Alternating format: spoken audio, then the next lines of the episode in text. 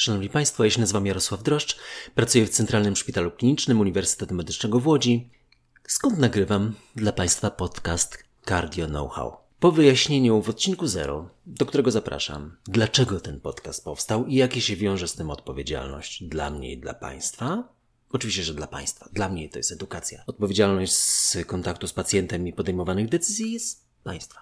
To zapraszam do takiej, takiego tematu hipercholesterolemii, wprawdzie umiarkowanej, co utrudni trochę państwa decyzję, ale oczywiście jak zwykle y, zaczynamy pytaniem. Pacjent ma 61 lat, jest po dwóch skutecznych angioplastykach wieńcowych w przebiegu ostrego zespołu wieńcowego w 2017 roku i w końcu 2020 roku. W tle jest nadciśnienie tętnicze, prawidłowo farmakologicznie leczone, umiarkowana hipercholesterolemia. Pacjent pamięta cholesterol całkowity 220, oczywiście nas obowiązuje LDL, ale zostawmy go na boku na razie. Wywiad palenia tytoniu od tego pierwszego zawału 2017 roku nie pali. Zgłasza się miesiąc po zawale. Szczęśliwie jest tym szczęśliwcem, który jest w programie KOS zawał. To jest ogromne dobrodziejstwo, przyjmuję mnóstwo tych pacjentów i naprawdę jest to y, bardzo duża wdzięczność moja dla Ministerstwa Zdrowia, że ten program, który zainicjowało Polskie Towarzystwo Kardiologiczne jest prowadzony. Naprawdę fantastycznie. I mówi tak, absolutnie nie toleruję statyn. Bóle mięśniowe, poprzednio miałem to samo. Otrzymałem statyny, lekarz mi zmienił, najpierw miałem simvastatynę, potem miałem atorvastatynę, potem miałem rosuvastatynę. Nie mogę. Bóle, nie mogę wstawać, po prostu koszmar. I teraz dla Państwa trzy możliwe odpowiedzi. A. Kiwamy głową, zgadzamy się z pacjentem i włączamy omega-3, na przykład omakor. Drugie. Zgadzamy się z pacjentem, tak. Włączamy witaminę D, dodajemy do tego preparaty z czerwonego ryżu. C. Po raz kolejny wyjaśniamy i próbujemy bez końca włączyć statynę. Tłumaczymy. Nie ma tego momentu akceptacji. Szanowni Państwo, ja pamiętam te czasy. Państwo z pewnością 1994 rok. A właściwie sięgnę jeszcze trochę wcześniej. Pamiętam z gronem wybitnych naukowców, do dziś funkcjonują y, w dobrej formie.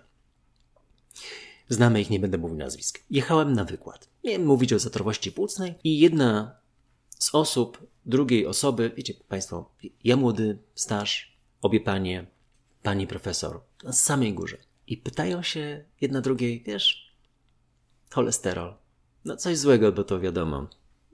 Mamy doświadczenia, ale jak temu zaradzić poza dietą? Odpowiedź drugiej. Hmm, ciężko. Są badania, ale nie wiem. Trochę działa, trochę nie działa. Nie wiem. To po prostu takie, taki jest i trudno temu zaradzić. Może coś wymyślam. To było 90 albo 91 rok. I w 94 roku pojawiło się badanie 4S, opublikowane w Lancecie. 4444 osoby z chorobą wieńcową, ze średnim stężeniem cholesterolu, może z wyższym stężeniem cholesterolu całkowitego, wówczas taki był tylko, 213. To oczywiście odpowiada, ta granica ustalona była w milimolach, 5,5. W związku z tym to 213 mg na decylitr. I co? Pierwsze badanie i wszyscy leżą na łopatkach. 30% redukcja ryzyka zgonu. A to był taki czas, gdzie na przykład CAST-2 była antyarytmiczna terapia u pacjentów po zawale serca, którzy mieli zaburzenia rytmu, po lekach z grupy 1C. Nie było tych skurczów, więc sukces taki kliniczny na krótką metę i wzrost śmiertelności. Więc ta 30% redukcja ryzyka zgonu to naprawdę było coś. Mija wiele lat, 170 tysięcy chorych przebadanych w badaniach klinicznych. No może sięgnę tylko do jednej z analiz. 2014 rok, JCC, powiązanie obniżenia LDL cholesterolu ze śmiertelnością. 38 tysięcy chorób, pacjentów, metaanaliza i co się okazuje? Im niższy cholesterol, tym niższe ryzyko powikłań. Nawet w podgrupie, gdzie LDL jest poniżej 50 mg na decylitr. Nie ma żadnej krzywej U. Ostatnio byłem na dużym kongresie, który się odbywał zazwyczaj w Krakowie, a teraz się odbywa oczywiście w internecie. I jeden z wybitnych profesorów pokazał taką grafikę z jakiejś starej ryciny z, czy z nowej małej populacji i powiedział, że jest krzywa U w cholesterolu. Ja oczywiście jestem znany z tego, że nie mam żadnych zahamowań, żeby powiedzieć prawdę, nawet jeżeli to nie jest miłe. Oczywiście skomentowałem, starając się najbardziej grzecznie, jak to potrafię zrobić. Ale niestety musiałem powiedzieć, że się dziwnie czuję w tym panelu. Byłem wtedy y, chairmanem jednej z sesji. Dziwnie się czuję w panelu, w którym mówimy rzeczy, które są absolutnie niezgodne z prawdą, z wytycznymi europejskiego, polskiego, amerykańskich towarzystw kardiologicznych. W związku z tym powiedzmy to raz jeszcze. Nie ma krzywej U. Są incydentalne prace, które to czasem pokazują na małej grupie pacjentów, których jakby ktoś dokładnie się wpatrzył w proces, uznałby, że nie spełniają kryteriów poważnych badań klinicznych. No ale jest druga strona medalu. Brak ścisłych powiązań między przyjmowaniem statyn dolegliwościami, chociaż te dolegliwości są, bo nie ma co mówić. Pacjenci mówią o tym. Zaczynają przyjmować. To jest taki typowy wywiad. Nie dotyczy to jakiejś dużej populacji, ale powiedzmy sobie 10-20%, zależnie od tego, czy ktoś ma lepszy czy gorszy dostęp do internetu, bo to myślę, że to bardziej z tym jest związane, no to zgłasza projekt, problemy. Są ludzie, którzy mówią rzeczywiście bardzo przekonująco, ja im wierzę. Współczuję. Ale Fingold w takiej publikacji z 2014 roku wykazał brak powiązań ścisłych między przyjmowaniem statyn a dolegliwościami. A Ajay Gupta z Lancetu 2017 roku opublikował taką e, pracę ASCOT LLA, LLA, gdzie była taka randomizowana grupa, gdzie wykazał, że rzeczywiście te objawy występują, ale nie są związane ze statynami. Wiecie Państwo, analiza. W związku z tym, siedząc na ostatnim American Heart Association meeting w listopadzie, jedna, chyba drugi hotline czy trzeci, i występuje James Howard, Imperial College London, y, z takim trialem Samson. No oczywiście pierwsza sprawa. 60 pacjentów. 60 osób. Nie 60 tysięcy. 60 osób. Ale jest to jedno z najlepszych badań, jakie w życiu widziałem. Naprawdę, jak odpowiedzieć na pytanie, koncentrując się na takim projekcie i, takim stworzeniu tego, tego badania, żeby odpowiedzieć na pytanie.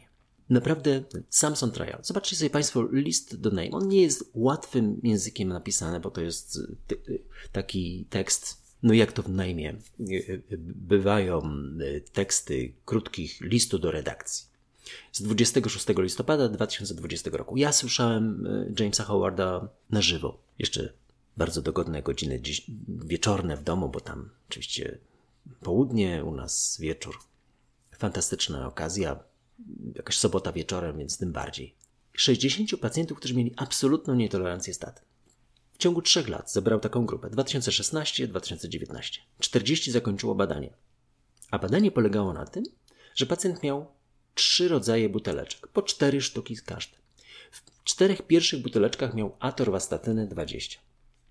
Czterech drugich buteleczkach, no, drugiej puli buteleczek miał placebo, identycznie wyglądające.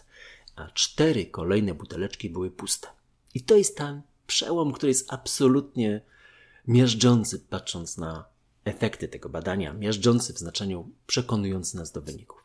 Pacjenci wybierali dowolnie buteleczki na kolejne miesiące terapii, trwało to rok i zapisywali, smartfonem zgłaszając, dzień w dzień, jaki mają poziom bólu. Od zera, brak, do stu, największy wyobrażalny ból. Wyniki następujące. Dolegliwości, średnie dolegliwości na statynie 16. Na placebo 15. Bez leczenia 8. ja wiem, jeszcze to nie dociera tak prosto. Tylko ja nie chcę się wdawać tutaj w jakieś dywagacje statystyczne. To trudny temat jest. Ale zwróćcie Państwo uwagę, że może to nie wybrzmiewa tak dobitnie, jeśli się porówna 16 i 8. Tak, ale pacjenci, ta grafika wyjaśni Państwu bardzo dużo. Ona nie jest w tym tekście zawarta. Zobaczcie Państwo suplementy do tego tekstu listu do redakcji 26 listopada 2020 roku NAME. 90% dolegliwości związanych z przyjmowaniem statyn obserwuje się także po placebo. Co to oznacza? Że pacjenci przyjmując lek zgłaszają dolegliwości. Lek. Ja nie powiedziałem statynę. Lek. nie przyjmując leku, no, połowa też ma dolegliwości. No, ja je mam, wiek, to jasne. Pacjenci też mają. Są zazwyczaj nieco starsi ode mnie, więc mają ich więcej. 8. Ale to nie chodzi o statynę. 16 to jest średni punkt statyna, 15 placebo. Czyli 90% dolegliwości z przyjmowanym jest związanych z samym faktem, że pacjent bierze tabletkę do ręki i połyka. Niezależnie od tego, co tam jest w środku. I ta część tej, tych par buteleczek bez leku była o tyle istotna, żeby pacjent zorientował się, że to jest taki, ma taki akurat fragment szczęścia, że nie przyjmuje żadnego leku, a my to statystycznie James Howard z, z grupą Simper College y, ocenia statystycznie. Co najważniejsze, u połowy pacjentów po wyjaśnieniu wyników tego badania dotarła informacja, że to nie statyna powoduje dolegliwości, tylko sam fakt brania leku, który jest największym dobrodziejstwem ludzkości. Eugeniusz Braunwald, jako tak nazywam, z Polska, ale to oczywiście jest Amerykanin. Pod koniec 2000, bodaj w 2000 roku, zapytany, jakie jest największe dobrodziejstwo, to oczywiście, no, mówimy o kardiologii, medycynie, szczepienia, bez dwóch zdań. Natomiast w kardiologii statyny, nie kardiologia inwazyjna, nie kardiostymulatory, nie kardiochirurgia, statyny. To jest zdanie Brunwalda na ten temat. Po wyjaśnieniu wyników tego badania u połowy udało się wdrożyć terapię statyną. I teraz tak. Nie chciałbym powiedzieć przez to, że nie ma działań niepożądanych statyn. One są. Jakiś ułamek procenta. Poczytajcie Państwo prawdziwe e, zestawienia działań niepożądanych. Nie chciałbym powiedzieć, że nie ma zgłaszania przez pacjentów problemów związanych z dolegliwościami mięśniowymi po przyjmowaniu leków, także statyn. Nie chciałem powiedzieć, że osoby, które to mówią, nas oszukują. Nie, one mają te objawy. Tylko to jest tak zwany efekt nocebo. Co to jest efekt nocebo? To też ważna nauka. Rzadko się używa tego sformułowania, może Państwo jest słyszeliście, może nie. No, zacznijmy od prostego. Placebo. Dajemy lek? Tabletka, która nie zawiera nic. Placebo. Działa? Nie działa. Oczywiście u części działa. Sam fakt. Mówimy pacjentowi przekonującym głosem, że tak, ten lek jest bardzo dobry na tą chorobę. Działa. Nawet jeśli tam jest w środku sól czy cukier. Chociaż ani jednego, ani drugiego nie powinniśmy jeść. A efekt nocebo? Odwrotność. To jest sytuacja, kiedy samo przyjmowanie leku powoduje negatywne następstwa. Tak? Niezależnie od tego, że mówimy, że to jest dobry lek. To tak pacjenci mają częściowo wdrukowane, że ten lek rzeczywiście powoduje u nich w ośrodkowym układzie nerwowym taki przebieg impulsu, który wiąże dolegliwości kolan, mięśni, barków, wszystko jedno, z, ze statyną. To działanie mózgu jest dla nas gigantycznym takim y, zaskoczeniem i im jestem starszy, tym się bardziej do tego przekonuję, że u ludzi ten mózg bywa rozmaity, a działa już w taki sposób, że ja go z każdym rokiem coraz mniej rozumiem. Może coraz bardziej rozumiem własny mózg, mojej rodziny też, ale pozostałych ludzi mam dużo tutaj swoistych przemyśleń. Efekt nocebo. Co zatem robimy? Lekarz w XXI wieku nie powinien powiedzieć tak, wie pan, wie pani, boli, nie może pani statyn brać. Rzeczywiście, to jest błąd. Bez końca jednoznaczny przekaz. Próbujemy. Niech pani sobie zobaczy. CKMB, CPK, wszystko jedno. Zmniejszamy dawkę, zmieniamy preparat, zamieniamy lek na inny. I druga sprawa, żadnych suplementów. Z naszych ust nie powinno paść żadne słowo akceptacji dla żadnych suplementów diety. Mówię to całkowicie odpowiedzialnie. Żadne suplementy diety. Ekstremalnie rzadko zdarzają się substytucje konkretnych substancji w konkretnych sytuacjach klinicznych. Ekstremalnie rzadko. Nie będę mówił Państwu, ale to naprawdę jest rzadkość.